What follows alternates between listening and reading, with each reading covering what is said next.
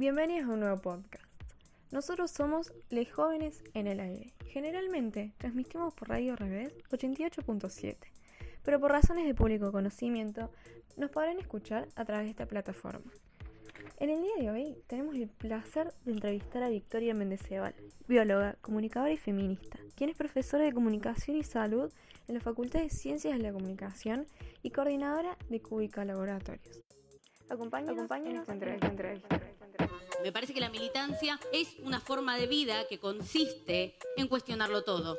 Algo que me dicen seguido es, vos sos el futuro, sos nuestra esperanza, además. Pero me parece que llegó la hora de no solamente tratarnos de futuro, sino de tratarnos de presente. Y me parece que nuestros esfuerzos están a la altura de que nos otorguen ese reconocimiento. Les jóvenes, les jóvenes, les jóvenes en el aire. Nuestra militancia está a la altura de ser presente y no solamente futuro. Presente aquí ahora es algo que ya somos.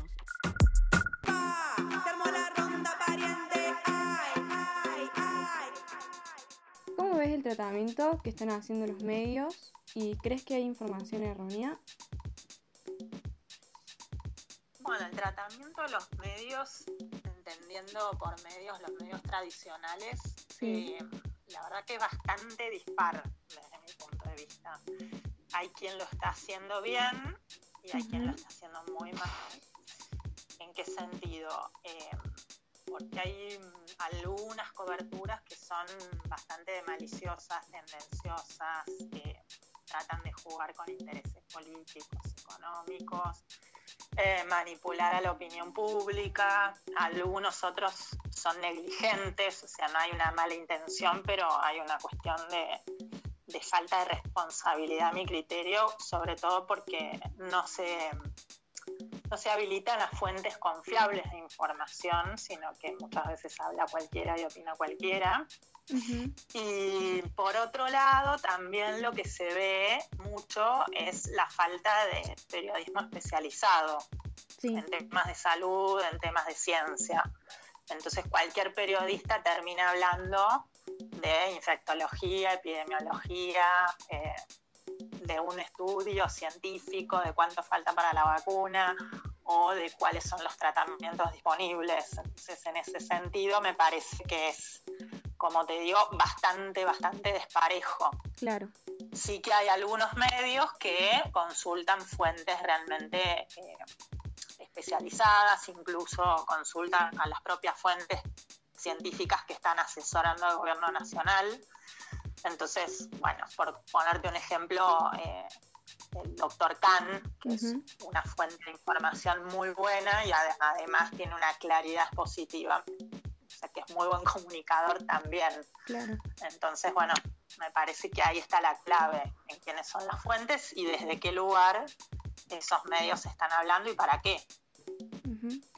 Eh, o sea, vos crees que, perdón, crees que puede a partir de esto haber un bombardeo de información sobre el COVID-19 en las redes y qué consecuencias crees que trae eso? Porque si bien eh, lo que escuchamos en los medios generalmente también se lleva a las redes, ¿o no?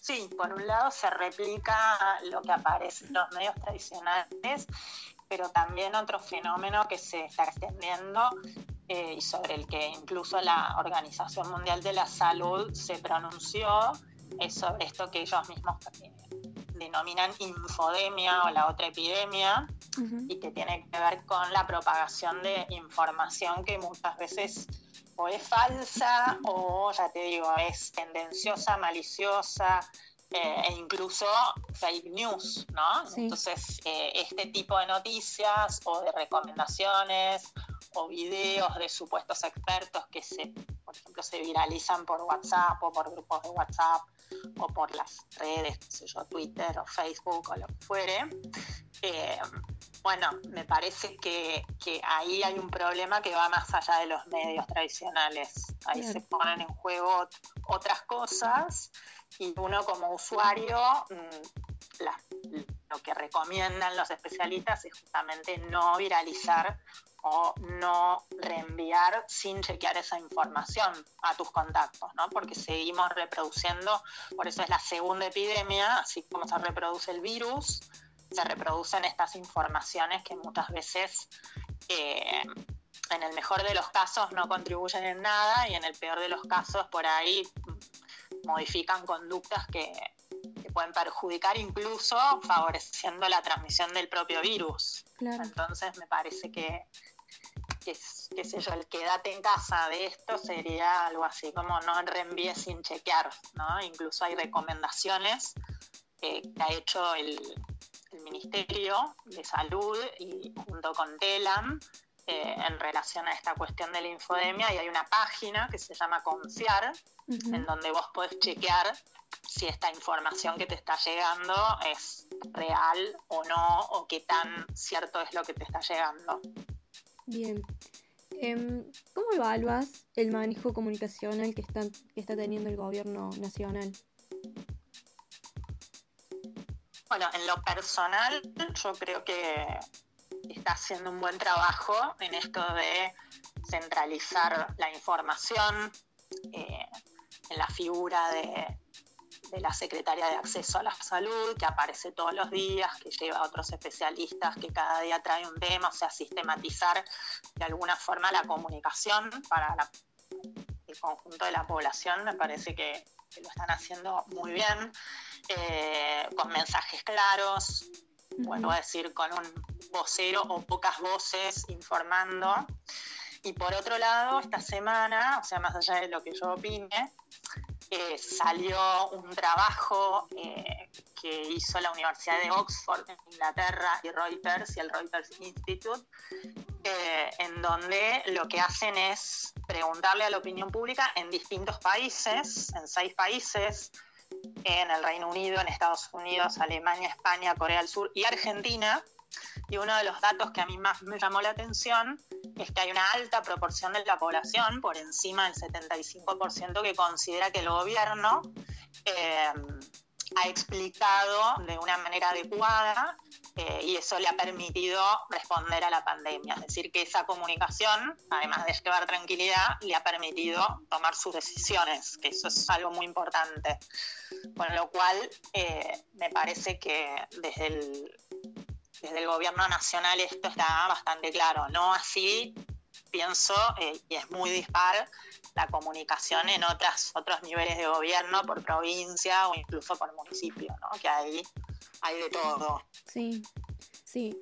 Em, y bueno, y por último, eh, vos entendiendo que la comunicación es un derecho humano, ¿cuál es el rol que cumplen los comunicadores en este momento y qué tips crees que tenemos que tener en cuenta a la hora de comunicar en tiempos de pandemia?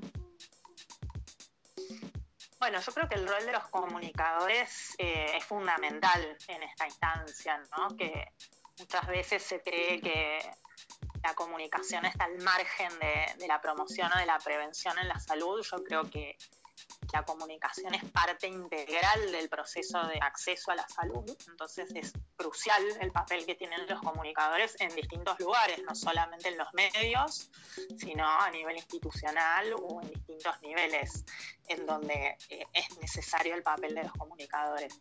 Y en este sentido, me gustaría comentar eh, que justamente ayer en la rueda de prensa de todas las mañanas que hace el Ministerio de Salud, participó una periodista especializada en salud y en ciencia, que es Nora Bar, eh, hizo justamente una serie de recomendaciones eh, en relación al tratamiento de, de estos temas, ¿no?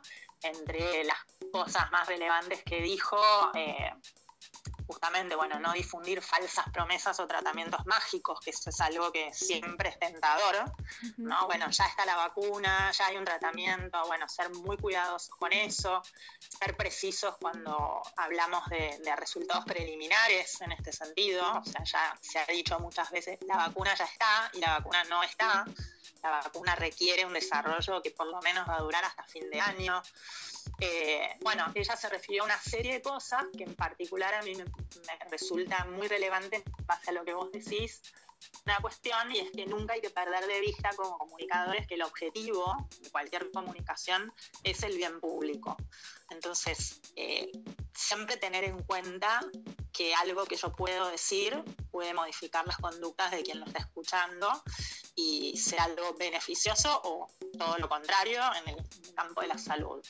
Otra de las cosas que me parece re importante en esta pandemia eh, es el hecho de comunicar claramente lo que no se sabe, ¿no? Porque siempre eh, en el terreno de la ciencia hay como esa creencia de que, bueno, eh, la ciencia nos va a proveer de certezas, pero bueno, si hay algo que caracteriza este momento es la incertidumbre científica, ¿no? Porque es un virus nuevo, es una enfermedad nueva, y en ese sentido, ella decía, es muy importante decir claramente lo que no se sabe. Estamos eh, desarrollando la vacuna, estamos viendo qué, tratamientos funcionan, pero lo estamos viendo, ¿no? Y algo que permanentemente repiten los especialistas es esto del dinamismo, que algo que yo digo hoy puede cambiar mañana, ¿no? En todo este debate de los barbijos, por ejemplo. Se empezó diciendo una cosa, hoy se está diciendo otra, porque la propia pandemia va evolucionando día a día y entonces saber y transmitirle a la población que una recomendación que damos hoy puede cambiar. Entonces, bueno, ese terreno de la incertidumbre es difícil de manejar y bueno, por supuesto que lo más importante desde mi punto de vista sería que haya periodistas y comunicadores eh, formados en este tema de la comunicación de la ciencia y de la salud, fundamentalmente en los medios, ¿no? Sí. Qué importante sería que, hubiese periodistas eh, que sepan manejar este tipo de información, que no es lo mismo que la información económica, política, es una disciplina en sí misma.